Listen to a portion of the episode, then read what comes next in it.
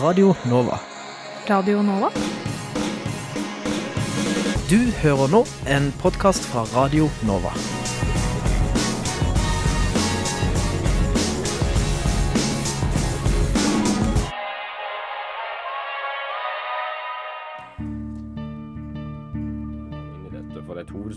Det hadde vært siden eh, Noam Chomsky etablerte den greina lingvistikken som, som jeg befinner meg i. Vi håper jo på breiest mulig oppslutning om SV, og jeg tror at det eneste som kan få norsk løsner båndene mellom staten og kirka, og forhåpentligvis fører til tettere bånd mellom kirka og folk. Så hadde de gjort som andre fjøringsbevegelser i verden, hadde de helt legitimt kanskje tatt i våpen. Og, og så direkte skildring av menneskeskjebner tror jeg ikke vi har sett eh, i noen annen nyhetsdekning av noen annen terroraksjon. Det er såpass store forskjeller mellom den kalde krigen, hvor det var to supermakter som sto mot hverandre, eh, og den situasjonen vi har i dag.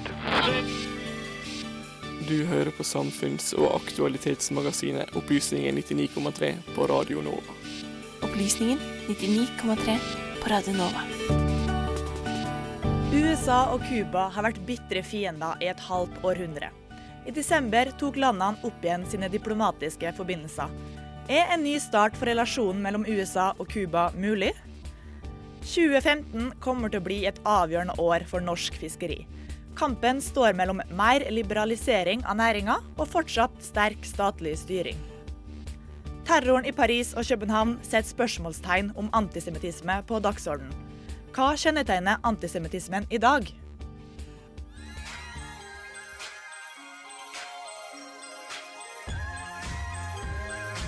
Radio Nova FM 99,3 og radionova.no.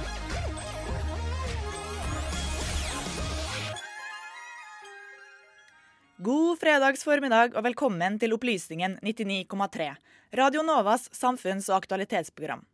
Jeg heter Marit Fiksdal og skal være med dere den neste timen. I tillegg til de sakene vi nettopp hørte, skal vi også få ukas opplysning om skreifiske i Lofoten.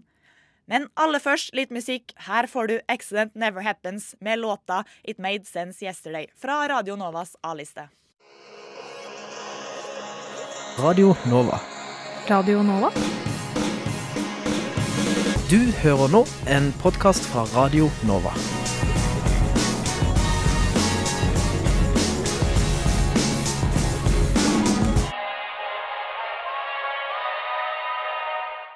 Der fikk vi Accident Never Happens med sangen It Made Sense Yesterday.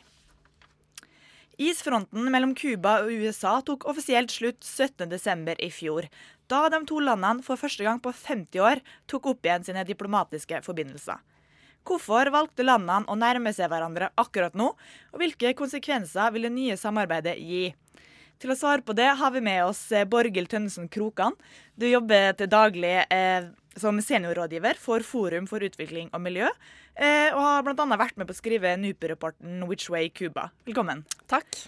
Eh, aller først, før vi går inn i de aktuelle problemstillingene og hendelsene, la oss eh, ta et skritt tilbake. Eh, hvordan har forholdet mellom USA og Cuba vært de siste 50 åra? Det har jo vært veldig betent de siste 50 årene. Eh, man må se det i en kaldkrigssammenheng, selvfølgelig. Eh, I og med at eh, forbindelser mellom de to landene har vært eh, fastfrosset eh, siden, eh, siden 1959 eller tidlig på, på 60-tallet. Så det har vært prega av at du har på den ene siden USA som har hatt slagord som heller død enn rød, mens Cuba har hatt slagord som sosialisme eller døden. Så det er ikke det beste utgangspunkt for, for dialog, kan du si. Mm. Ja, fordi det var Fidel Castro kom til makta i 1959 etter revolusjon. Hvordan styrte Fidel Castro Cuba? Fidel Castro var, hadde bred folkelig støtte da han kom til makta.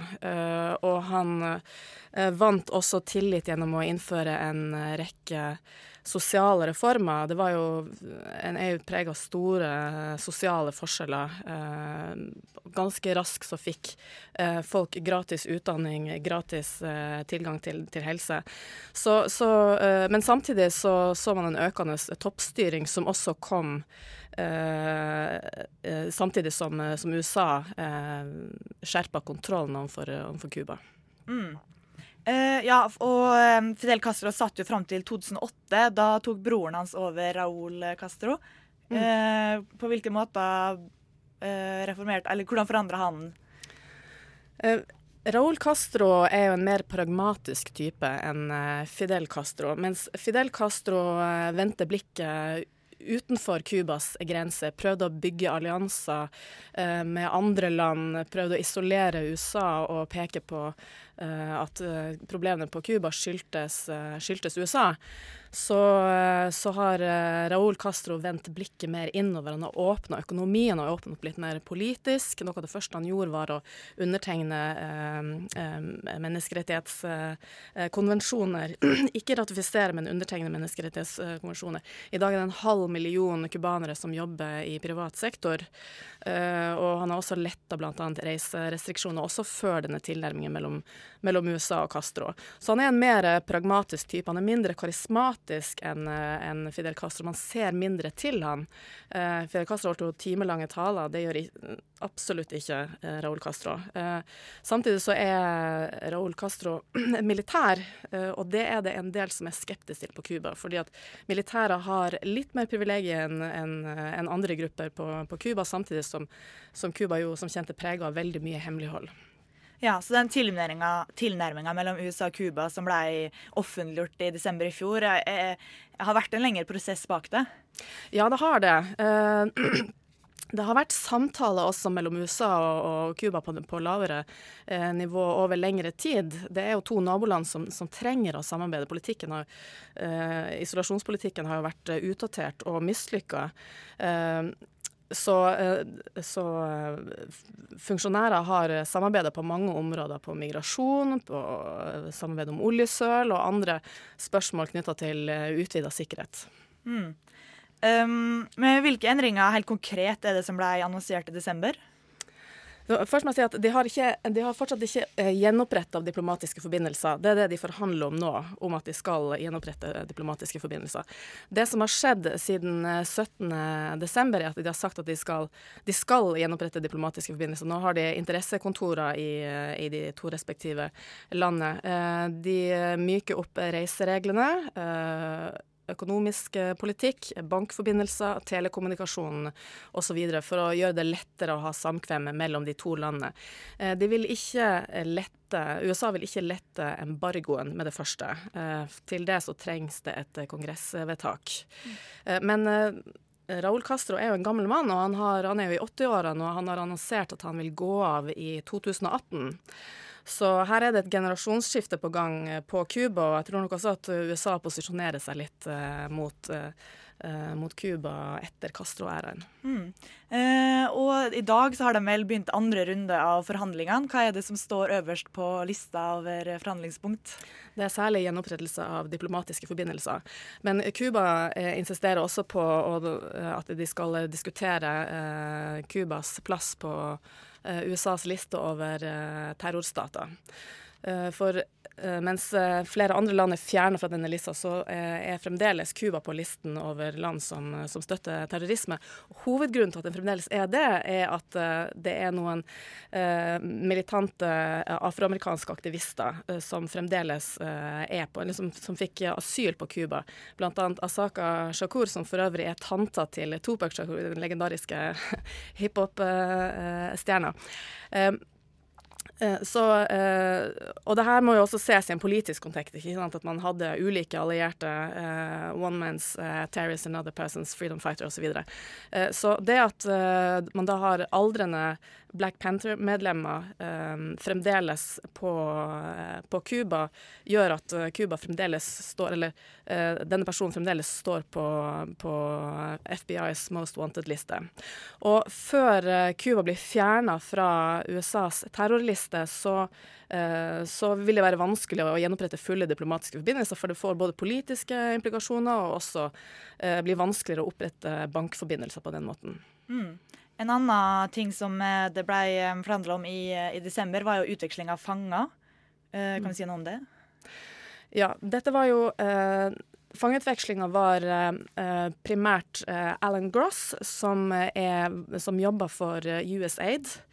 Uh, og som hadde smugla inn kommunikasjonsutstyr på, på Cuba, bl.a. Uh, internettutstyr. Og man kan si at internett bør jo være lovlig, uh, men han hadde gjort det. Og Cuba så på, på Alan Gross som det han gjorde som bare en forlengelse av den undergravinga som USA har drevet over lengre tid for å styrte Castro-regimet. På den annen side så hadde du fem cubanske agenter som hadde infiltrert voldelige miljøer i USA. Uh, etter en serie terroraksjoner uh, fra eksilcubanere mot Cuba på, på 90-tallet. Uh, da de fremla bevis, så ble de sjøl fengsla mm. i, i, Florida. Mm. Så det er disse som nå ble utveksla. Og samtidig som de ble utveksla, så, så løslot også Cuba en rekke andre politiske fanger. Mm. Men hva var egentlig begrunnelsen bak det å ta opp igjen det diplomatiske samarbeidet? Det var jo primært at det har vært en feilslått politikk og at en utdatert politikk etter, etter 50 år. Uh, I tillegg så, så, er det jo, som jeg nevnte, en generasjonsskifte både i Havanna og i Miami og i, i Washington. Eh, flertallet av amerikanere ønsker eh, normalisering, viser en rekke meningsmålinger. Også eksilcubanere ønsker normalisering. Eh, det gjorde de ikke tidligere.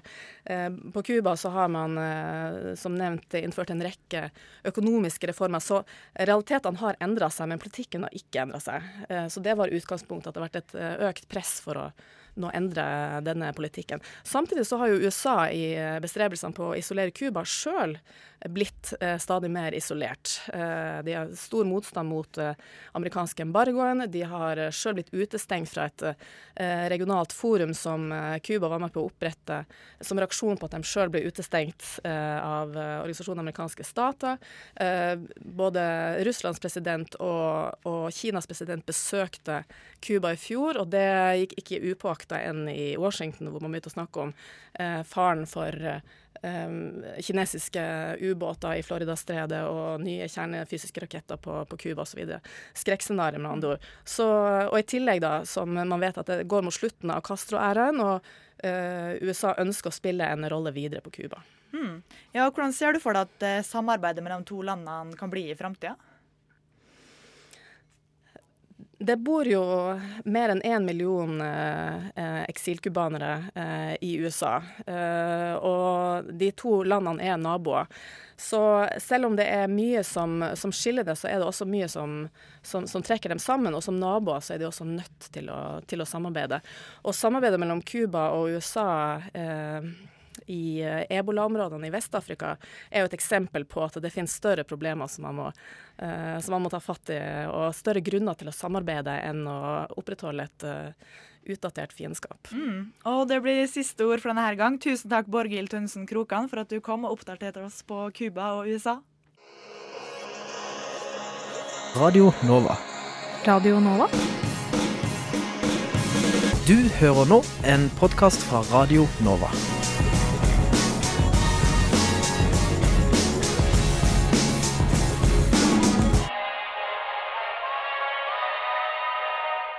Der hørte vi sangen 'Tomorrow We Move to Hawaii'. Nei, der hørte vi bandet 'Tomorrow We Move to Hawaii' med sangen 'Bamboos Break'. Årets skreisesong er i gang, og du har kanskje spist skrei allerede i år? Eller er du egentlig litt usikker på hva skrei egentlig er? Nå er det tid for ukas opplysning, laga av Hanne Skjæland Olsen. Det koker i havet utenfor Lofoten og Vesterålen. Endelig kom den. Tidligere denne måneden fortvilte fiskerne hvor er skreien? Nå ser det lysere ut. Innsiget har starta. Vet du hva skrei er?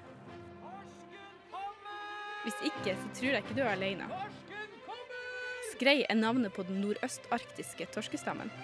I Norge så har vi to store torskebestander, skrei og kysttorsk. Kysttorsken finner du i fjæra og helt ned til 600 meters dyp. De holder seg på ett sted hele livet, mens skreien vandrer om lag 1000 km fra Barentshavet til kystbankene og fjordene i Norge for å gyte. Torsken, sett torsken, sett torsken, en feit og fin og norsken, en norsken, en norsken. Skreifiske foregår fra januar til april. Ca. 40% av skreien blir fiska opp utenfor Lofoten og Vesterålen. Resten av fisket strekker seg fra Finnmark i nord til Stad i sør. Når skreien er blitt seks-syv år, er den kjønnsmoden Da er den klar til å ta finnene fatt og starte på den lange reisa til kysten. En liten hovfisk som gyter for første gang, kan produsere 400 000 egg, mens en stortorsk kan produsere over 15 millioner egg i løpet av en sesong. En torskelarve er ikke spesielt sjølberga. Kommer ikke maten nærmest seilende inn i munnen på den, sulter den i hjel. Derfor må torsken gyte så mange egg og spre gytinga over en lang periode, opptil flere uker. I gjennomsnitt er det nemlig bare ett av én million gytte egg som blir til en voksen fisk. Torsken har gjennom tidene vært Norges viktigste eksportprodukt. På det meste var det opp mot 100 000 fiskere i Norge. Skreien er den største torskebestanden i verden. Bestanden i Barentshavet er på et historisk høyt nivå. Det skyldes god forvaltning gjennom flere år. Helt siden begynnelsen av 1900-tallet har Norge og Russland samarbeida om fiskeriforskning. Tradisjonelt serveres skrei trukket i lettsalta vann med lever, rogn og kokte poteter. Bedre kjent som mølje. For dem som ikke syns det høres så digg ut, finnes det et hav av oppskrifter. Fram til april vil du nok se skreien i butikken.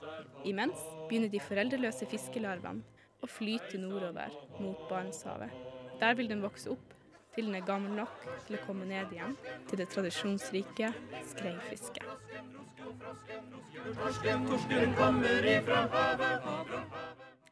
Der hørte vi ukas opplysning om skreifiske i Lofoten. Og vi skal fortsette å snakke om norsk fisk her i studio. Vi hører ofte at det er fisken vi skal leve av når olja tar slutt. Norge har enorme fiskeriressurser, men hvordan kan vi best forfalte her ressursene? Et nytt utvalg tar til orde for en omfattende liberalisering som vil forandre rammeverket for norsk fiskeri som det er i dag. Det har satt i gang en diskusjon om framtida til norsk fiskerinæring. Og her i studio til å ta diskusjonen har vi Torgeir Knag Fylkesnes, stortingspolitiker for SV, og Geir Ove Ismark, administrerende direktør i Fiskeri- og havbruksnæringas landsforening. Aller først, før vi går inn på her, eh, de her nye politikkforslagene. Eh, hvilke prinsipp og hensyn ligger til grunn for fiskeripolitikken? Ja, de viktigste hensynene for fiskeri- og sjømatpolitikken har vært både distriktspolitikk, men det har også vært eh, det å skape, forvalte ressursene på en god måte, sånn at de kan vare inn i evigheten. Eh, og så har det vært litt mindre fokus på det å utvikle konkurransekraften i særlig fiskerinæringa, mer i havbruksnæringa. Det gjør at vi nå begynner å få et gap hvor havbruk går ifra eh, den tradisjonelle fiskerinæringa. Ja, Er du enig i det, Fylkesnes, at eh, økonomien måtte vike for eh, arbeidsplasser langs kysten? Men allerede i eh, hva som er det grunnleggende for fiskeripolitikk, så vi nok, eh, har vi nok forskjellige syn. Altså Det som eh, vi i SV betrakter som det grunnleggende, det er at ja, fiskeressursene skal forvaltes bærekraftig og langsiktig og skal vare evig. Det er mål nummer én. To, det skal eies av det norske folk i fellesskap. Det skal ikke eies av noen private aktører. tre, det skal komme kystsamfunnene til gode. Eh, og det er jo nettopp de forslagene eh, som dette utvalget kommer med, som går løs på, eh, på, på spesielt to av disse prinsippene. Eh, der denne retten man har til å fiske, skal kunne omsettes fritt. Uavhengig av eh, lokalsamfunn, uavhengig av om det er en aktiv fisker som fisker det. Og da mener vi at dette vil kunne føre til at kystsamfunn vil kunne slite voldsomt i årene som kommer, og at fisken flyttes fra kystsamfunn og over på børs, for å sette det på spissen. Ja, for det her nye utvalget har jo nettopp foreslått eh, å fjerne leveringsplikta, altså fjerne plikta fra fiskebåtene til å levere til eh, foredlingsindustrien langs kysten, og bl.a. fjerne eh, deltakerlova. Eh, hvilke konsekvenser tror du det vil ha? For det første så driver vi i FL nå en ganske intern prosess med å diskutere hva som skal være våre standpunkt. Så vi har ikke landa på alle disse forslagene eh, endelig. Noen av disse forslagene er også omstridt blant både fiskeindustribedrifter og, og bedrifter langs, langs, langs, kysten. Men du har uttalt at du er positiv på retninga utvalget tar? Retninga til utvalget er, er, er riktig. Og, det, og, hvis vi skal tenke at sjømat er det vi skal leve av når oljen tar slutt, så er det helt åpenbart at da må vi tørre å gjøre gjøre noen endringsgrep. Eh, mange av disse lovene som eh, Torgeir eh, snakka om, hadde man også i laksenæringa for eh, 25 år siden. Der ble de avvikla. Det har eh, lagt grunnlaget for en betydelig vekst i havbruksnæringa. I dag utgjør altså havbruk over to tredjedeler av eksportverdien fra norsk eh, sjømat. Hvis vi skal leve av sjømat fremover, så må vi også tørre å ta en del av disse grepene på villfisksida. Ja, Men oppdrettsnæringa er ikke den mer knytta til altså det, Der finnes det jo regelverk eh, med tanke på miljøhensyn som sier at de må ha, ligge med en viss avstand til hverandre og sånn. Mens eh, trålerne ute på havet kan jo i teorien fiske og så sende fisken til Kina for foredling der. Og derfor vil det jo gå Vil ikke da vi miste flere arbeidsplasser av det? Altså, vi, vi er opptatt av at vi skal ha mest mulig bearbeiding i Norge, og at norsk sjømatressurser, om det er fra havbruk eller fra eh, fangst, at det bør skape arbeidsplasser og virksomhet i, i Norge. Eh, men det betyr ikke nødvendigvis at det å politisk detaljstyre eh, næringa er den riktige veien å gå. Og det er nettopp det vi har sett i havbruk. Der har vi liberalisert noe, og så har vi skapt større verdier. Man har fått mer verdiskapning langs eh, kysten, nettopp fordi man har sagt at, eh, at, eh, at, eh, at lønnsomhet er, er viktig. Ja, Er det for mye politisk detaljstyring, Fylkesnes?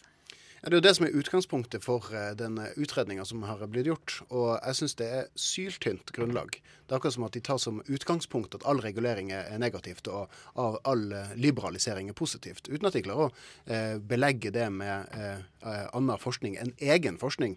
En tredjedel av all forskninga i denne utredninga er jo henvisning til egen forskning, altså Tveterås og, og de Asje osv., de forskerne som holdt til i Stavanger. Store metodiske problemer bare der. Men tilbake igjen til det som er utgangspunktet her, at det er klart at for organisasjonen til Ysmark, så vil jo dette her være veldig positivt for hans medlemmer. Sånn det her, er jo, her vil det jo være avveininger der. Det vil være en gavepakke for medlemmene, men medlemmene er også opptatt av kysten. Sånn at her står de nok i, i sprang mellom, eh, mellom, forskjellige interesser eh, som de har. Eh, og det er klart at hvis du gjennomfører en full liberalisering av av fiskerinæringa, der industrimagnater som aldri er tatt i en skrei, kan eie rettigheter til fiske, og der det ikke er knyttet til lokalsamfunn, da har du inntatt bare rene bedriftsøkonomiske perspektiver på dette. her. Da har du ikke sett på samfunnsøkonomien i det. Hvordan, hva betydning dette har for kystsamfunnene med den verdiskapinga det har. Jeg mener at det er feil retning på mange nivå. Fordi at man har tatt utgangspunkt i at eh, effektivitet eh, og, og, verdiskaping skal knyttes til store aktører. Mens jeg mener at man burde heller ta utgangspunkt i dagens ordning, der den er kystbasert, og så utvikle verdikjedene derfra. Det har man ikke prøvd fra utvalget sin side. Man har bare i utgangspunktet tatt, tatt som premiss at store aktører er bra. Eh, og så har de en teknologivurdering der som er helt merkelig, der de, der de mener at eh, teknologiutviklinga går i retning av store eh, aktører. Men det er feil. Det som er den store trenden globalt nå, det er distribuert industriproduksjon, altså mindre aktører. Og det kan være gode nyheter for en kystbasert eh, fiskeripolitikk. Ja, Ismark, vil de nye forslagene føre til større enheter, og er det i så fall bra eller dårlig? Altså Større enheter har det blitt i norsk sjømatnæring, også med den politikken som ligger til grunn i dag. I dag så sier man at en fisker er en fisker, men det er ikke helt riktig. Poenget er at hvis du i dag er født inn i en fiskerfamilie, så kan du gjerne være reder i et stort fiskebåtrederi som også driver med offshorefartøy og seismikkfartøy i, i, i, olje. Du kan være mangemillionær og, og kalle deg fisker. Du kan ha, være fisker uten å ha satt dine bein på en, på en fiskebåt. sånn at den illusjonen om at det er sjarkfiskeren eller det store rederiene, det tror jeg blir litt sånn å tegne et bilde av kysten slik den ikke eh, lenger er. Så Vi forholder oss til det som er virkeligheten. Det er at det har blitt mange rederier. Det er store industrialiserte rederier. Eh, så jeg er enig med Torgeir at det også er mange sterke kystbaserte eh, bedrifter. Og jeg tror at vi skal beholde et, et mangfold, men det mangfoldet trenger ikke at, at, du, at du overregulerer for mye politisk. Men det du, vil, det du, vil, se her, er jo at eh, idet du eh, blander sammen roller For i dag så er det sånn at du reder og industri Rederi og industri er delt opp gjennom deltakerloven, annet. Eh, hvis du blander dette sammen, og du ikke knytter det til at du skal, må i utgangspunktet være aktiv fisker for å kunne sitte på eh, rettigheter til å fiske, da kan du miste nasjonal kontroll. Altså at uh, plutselig kan det komme kinesere og uh, fra, franskmenn osv. inn og eie uh, rettigheter til fisken. Eh, og du vil kunne miste den kystbaserte kontrollen med fiske. Sånn at du ved en liberalisering så, så er ikke det bare det er ikke, det er ikke bare perspektivet av en økt verdiskaping og effektivitet som ligger bak det. Vi som nasjon vil kunne miste kontrollen med fiskeressursene, og så vil det kunne gleppes ut av kystsamfunnet. Ja, I kystsamfunnet. Smark er det ikke en fare for at uh, fiskeressursene ikke kommer fellesskapet til gode? For, for det første så har Island eh, mange av de systemene som er foreslått av uh, dette utvalget. De er gjennomført på Island fordi Island rett og slett må leve av uh, fiskeriene og har ikke oljenæring å, å hvile seg på. Island er akkurat som Norge, knytta til EØS-avtalen, har den samme EØS-avtalen, men de har likevel klart å sikre nasjonal kontroll på, på fiskeriene. Så har fiskeriministeren vært veldig tydelig på at det skal ikke gjennomføres endringer som gjør at vi mister den nasjonale kontrollen til, til eierskapet. Det er satt i gang betydelig med juridiske utredninger for å sjekke etter om uh, Torgeir har, eh, har, har noe rett i det han eh, sier, og statsråden har sagt at hvis han har rett, så blir det heller ikke foreslått uh, endringer. Så det å tegne dette bildet av det store, skumle utland, det tror jeg vi, vi kan holde oss litt for gode til. fordi dette det er ikke et poeng som eh, vil bli lagt fram til Stortinget eller er diskutert, hvis det eh, er tilfellet. Ja, fordi Utvalget har jo også foreslått å eh, innføre en sånn grunnrenteskatt i fiskeriet, som og noen påstår også kanskje vil sørge for at det kommer ekstra mer penger enn i dag inn til fellesskapet fra fiskeriet. Jeg er jo tilhenger av eh, å tenke grunnrente, og det er jo en sidedebatt her, men uh, f.eks. grunnrenta i oppdrett er jo også noe som, eh, som diskuteres. For der er, det, eh, der er det i stor grad kun eh, slags skatteinngangen fra de som er ansatt, som kommer eh, lokalsamfunnene eh, til gode. Ja, pluss, pluss. Men, eh, men der, er det, der, der er det en sånn generell diskusjon vi må ta. Eh, grunnrente, den de sørger for at det kommer mer til fellesskapet. Men spørsmålet er om vi skal industrialisere Norge eh, med utgangspunkt i de rik rikdommer som er i havet. Jeg tror at de forslagene her eh, vil kunne føre til at Norge eh, sementeres som en eh, råvareleverandør.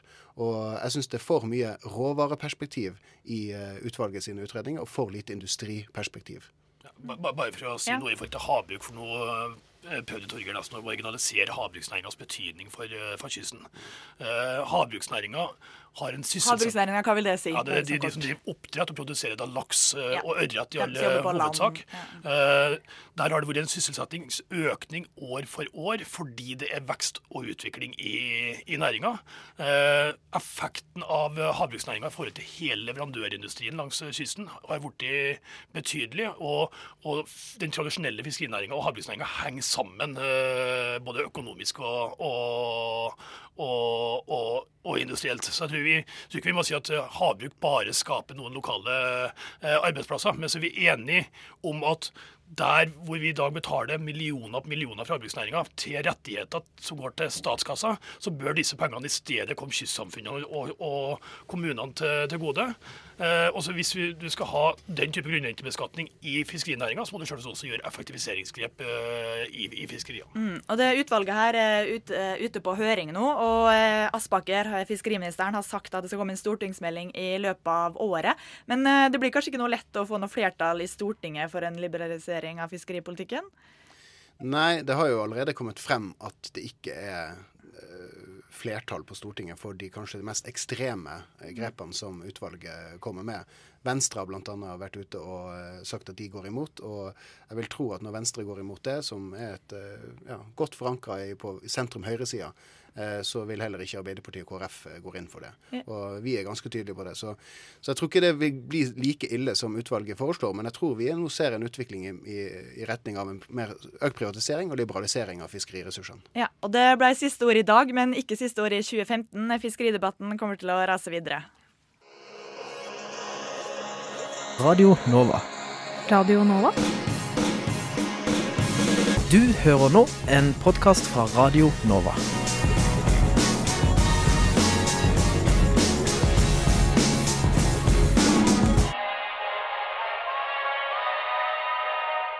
Der hørte vi sangen Moon King Nei, der hørte vi bandet Moon King med sangen Apokalypse. I etterkant av terroren i Paris og København har spørsmål knytta til antisemittisme blitt satt på dagsorden. Vår reporter Dag Sneve har snakka med leder av Det mosaiske trossamfunn og leder av tenketanken Minotenk om antisemittisme i Norge. I en undersøkelse utgitt av HL-senteret i 2012 kommer det frem at 12% av nordmenn har antisemittiske holdninger. Dette opptar Ervin Kohn, daglig leder av Det mosaiske trossamfunn. Den jødiske minoriteten i Norge den er utrolig liten. Den er, den er på la oss si 1300 individer. Og det er så få at, at dersom antisemittisme hadde noe med jøder å gjøre, så burde det ikke ha vært noe antisemittisme i Norge. Det viser bare at antise antisemittismen ikke har så mye med jøder å gjøre. Og hva mener jeg med det? Jo, det jeg mener med det, det er at uansett om det er jøder i landet eller ikke, så har vi antisemittisme i landet. HL-senteret anbefaler å følge opp med nye undersøkelser, blant dem en utredning av holdninger til jøder blant den muslimske delen av befolkningen. I 2006 skjøt islamister mot synagogen i Oslo, og for kort tid siden ble synagogen plassert under politibeskyttelse. Ja, Det er ikke sånn at det først nå er nødvendig. Det, det har vært eh, nødvendig lenge, så vi har jobbet i mange år for å få stengt gaten for gjennomgangstrafikk. Eh, Men nå tror jeg at eh, byens politiske myndigheter eh, benyttet anledningen til å skjære gjennom byråkratiet. For når vi ser For når vi ser forbi religiøse, politiske og etniske skillelinjer, er vi bare mennesker med de samme behovene, håpene og sorgene. Og når det kommer til stykket, er det eneste som betyr noe. Klarer vi å se hverandre som likeverdige mennesker, vil vi ikke klare å hate hverandre. Den 21. februar holdt en gruppe muslimer en symbolsk markering utenfor synagogen, som de kalte Fredens ring. muslimer og jøder. Men jeg mener at vårt felles religiøse opphav, språk, kultur og beslektede tradisjoner kan legge grunnlaget for nestkjærlighet og forsoning. Prosjektkoordinator i tenketanken Minotenk, Yusuf Asidik, er glad for arrangementet. Og jeg er veldig opptatt av at det er, altså, dette er initiativ av ungdommen, for ungdommen på en måte. Så det er rett og slett helt vanlige muslimske ungdommer uten tilknytning til en organisasjon eller noe som helst, som har stilt opp og sagt at vi, vi finner oss ikke i da, at norske jøder skal være redde for å gå til synagogen eller redde for å vise synlig at de er jøder. men kan ikke benekte at radikale islamister fremdeles utgjør en trussel. Jeg tror nok ikke det har vært så veldig positivt, nei. Men uh, så er jo de også en del av problemet, føler jeg. da. Så de er jo heller ikke noe glad i oss. Det jeg syns er viktig, da, som jeg syns også kommer litt frem i dag, det er at man må, uh, man må se mennesker. Og se at mennesker har uh, noen iboende verdier i seg. Og mennesker kan endre seg. Jihadistene er selvfølgelig en helt åpenbar trussel, og de har truet. Helt klart. Men i dag dukket det opp en ny sånn her nazistisk nettside. Så om det kommer fra ytre høyre eller om det kommer fra jihadistmiljøet, det spiller på en måte ikke, ikke noen rolle. Men det Josef sa, det er jo, er jo interessant. Det er mange som nå forsøker å, å kaste en skygge over eh, det arrangementet på lørdag kveld. Og det vil jeg si er mørkemenn. Det er eh, ingen grunn til å ta fra de unge muslimene som tok det initiativet, den ære de eh, bør være til del. For de har, eh, har gått et skritt, de. Og du kan ikke si det at det er uinteressant om man går noen skritt i riktig retning, så lenge man ikke kommer helt frem i mål. Altså, jeg syns det er fint at man går i riktig retning. Man behøver ikke å stille krav om at enten så tar man et skritt så man kommer helt i mål, eller så tar man ikke noe skritt i det hele tatt. Det var Dag Sneve som hadde laga denne reportasjen. Under terroren i Paris og København tidligere i år ble jødiske butikker og synagoger angrepet. Nå settes det over hele Europa inn ekstra sikkerhetstiltak for å beskytte jøder fra nye terrorhandlinger. Hvorfor og hvor finner vi antisemittisme i dag? I studio for å hjelpe oss på, til å svare på dette spørsmålet har vi postdoktor i historie og forsker på bl.a. jødisk historie, Vibeke Kiding Bannik. Velkommen. Takk skal du ha.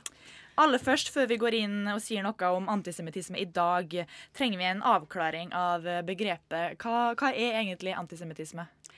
Ja, altså En veldig enkel definisjon er selvsagt at det er hat mot jøder nettopp fordi de er jøder. Men i det, i det så ligger det også at man har en idé om at jøder har noe iboende i seg som ikke kan endres, og at det er negativt.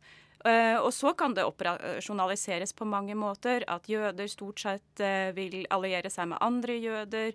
At de er uh, rike, at de står bak media i USA. Altså en del sånne operasjonaliseringer.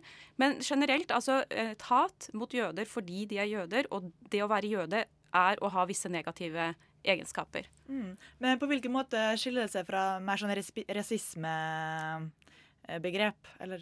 Altså, det, på, på, flere plan. For det første fordi at eh, fenomenet har eksistert så lenge. ikke sant? Sånn at det har fått sitt eget navn. Ikke for så vidt av forskere eller av jøder selv, men av eh, en østerriksk journalist på 1870-tallet som sa at 'jeg liker ikke jøder'.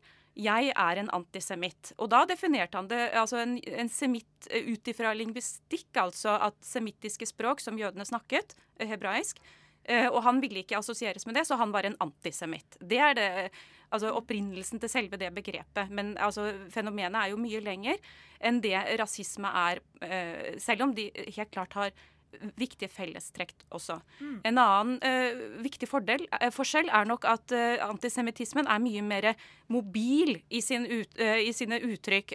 det er Theodor Adorno som bruker det at en jøde kan like så godt være en bolsjevik som et kapitalistsvin. Altså, du, du, bruker fenomenet på noe som du selv eller en gruppe misliker. Altså, den har, den har en veldig elastisitet i seg.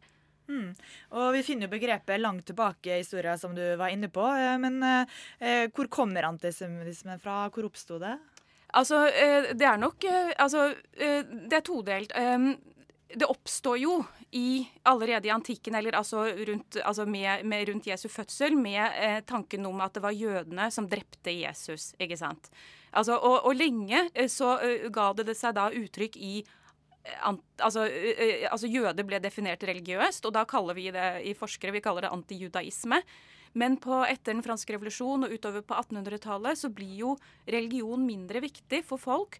Og så blir altså ideen om rase og etnisk opphav sånne ting, de blir mye mer fremtredende. Og da skifter det her altså antijudaistiske karakter. Eh, ikke nødvendigvis innhold alltid, men altså begrepet blir mer antisemittisme. Og da får vi også det uforanderlige ved jødene. ikke sant? For før så kunne man si, tenke seg at jøder kunne konvertere til kristendom, og da ble det Uh, og da ble de bra, i gåseøyne. Men nå, uh, i og med at uh, rase, at rase blir, kommer så høyt på dagsorden, så kan man jo ikke endre sin rase, som man forsto begrepet da på 1800-tallet. Hmm. Ja, Som du sier, så har antisemittisme funnes lenge. Men Blir det da riktig å snakke om en retur av antisemittisme i dag? Altså, jeg er uenig i at det er en retur, for det forutsetter at det har vært et fravær. Og, og man, når man snakker om retur i dag, så snakker man jo om at det, det var uh, antisemittisme, holocaust, så, og så ble, forsvant det etter krigen. Og det stemmer virkelig ikke. Men det stemmer nok at det som er, er at vi nok ikke har lagt stor nok vekt på det som har skjedd.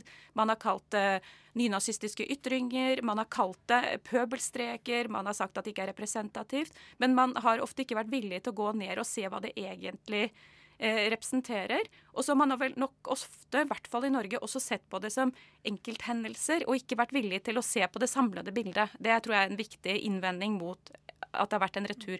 Men man kan jo absolutt si at det ser ut som det er en oppblomstring, eller at den kommer på overflaten nå. Mm. Hvorfor tror du at uh, vi ikke har vært villige til å, til å ja, bruke antisemittisme om Nei, altså jeg tror det er flere årsaker. Altså, Ingen vil jo være en antisemitt. Eh, det, det, er jo et negativt ladet begrep. Det, det, er helt eh, klart. Det andre er at man nok kanskje, i hvert fall i Norge, forbinder det veldig med andre verdenskrig og holocaust. Altså den veldig eliminatoriske utgaven. Og den, eh, og den eksisterer jo ikke i dag på samme måte i det hele tatt. Så dermed så kan man definere seg vekk fra begrepet ved å si at ja, men jeg er ikke antisemitt. Og så hvis man forbinder det med, med nemlig det som skjedde under andre verdenskrig. Så jeg tror at det er noe med at vi ikke egentlig har en forståelse av hva begrepet egentlig inneholder. Mm. Og hvordan det for så vidt også Altså hvordan jøder opplever hverdagen også. Mm. Eh, hvor finner vi anti antisemittisme i dag? Hvilke miljø? Ja, altså jeg tror vi finner det i mange forskjellige miljøer. Altså, nå var det jo eh, fokus på det muslimske miljøet i innslaget foran her, og det finnes helt klart der. Vi vet ikke hvor eh, utbredt er, men vi vet at det finnes i større og mindre eh, eh, porsjoner eller grader.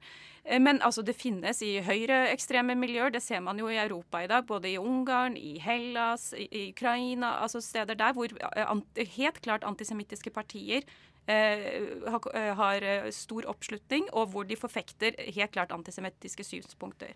Men vi ser også at det finnes i, altså i venstreorienterte kretser. Johan Galtungs eh, uttalelser de siste årene er et godt eksempel på det. Eh, men altså den viktigste antisemittismen, eller i hvert fall det som kanskje berører flest, er jo den daglige antisemittismen som man kanskje kan se.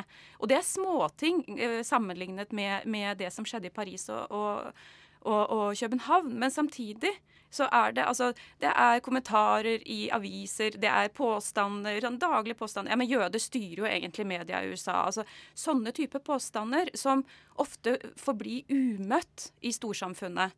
Den biten er jeg minst like opptatt av som Uh, disse altså litt mer ekstreme miljøene som vi ofte diskuterer. Mm, som vi også hørte i reportasjen før her, så var, er det en rapport eh, i, som, fra 2012 som viser at 12% av den norske befolkning hadde utprega fordommer mot jøder. Mm.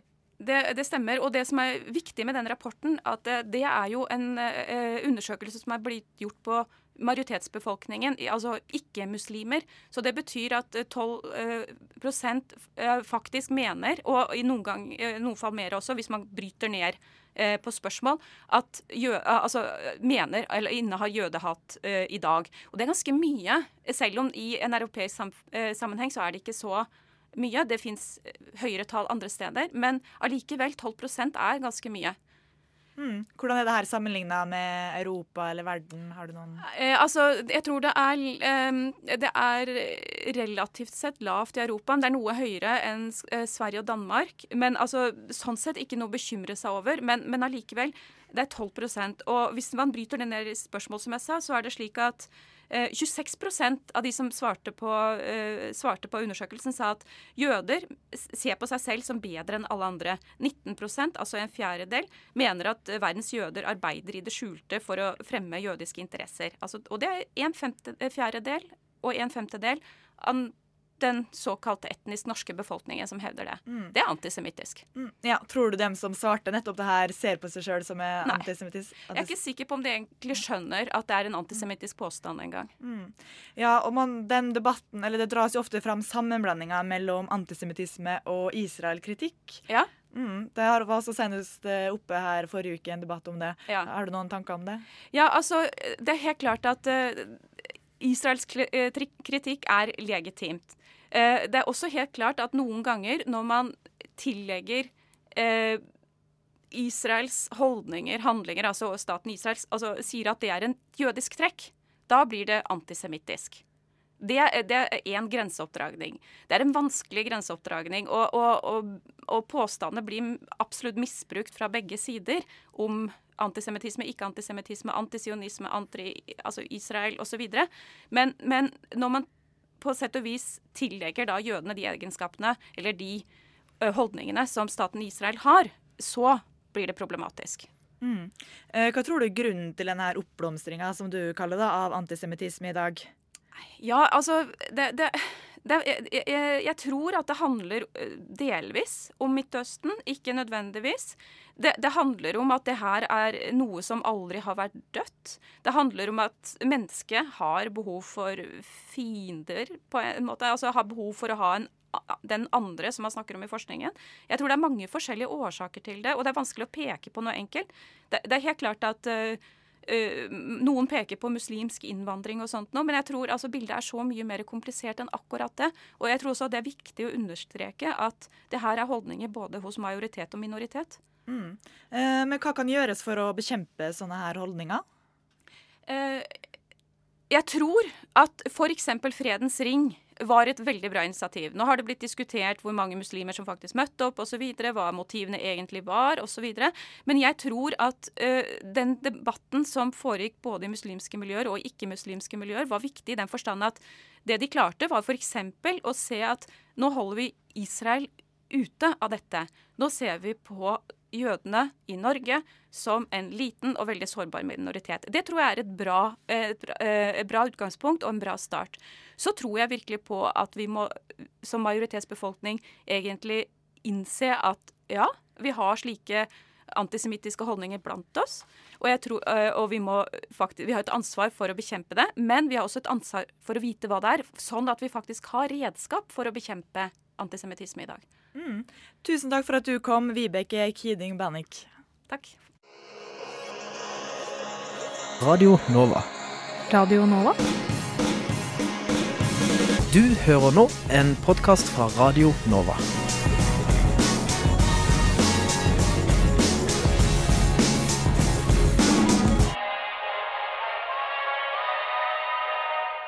Der hørte vi sangen 'Distance' av Abraham Shook.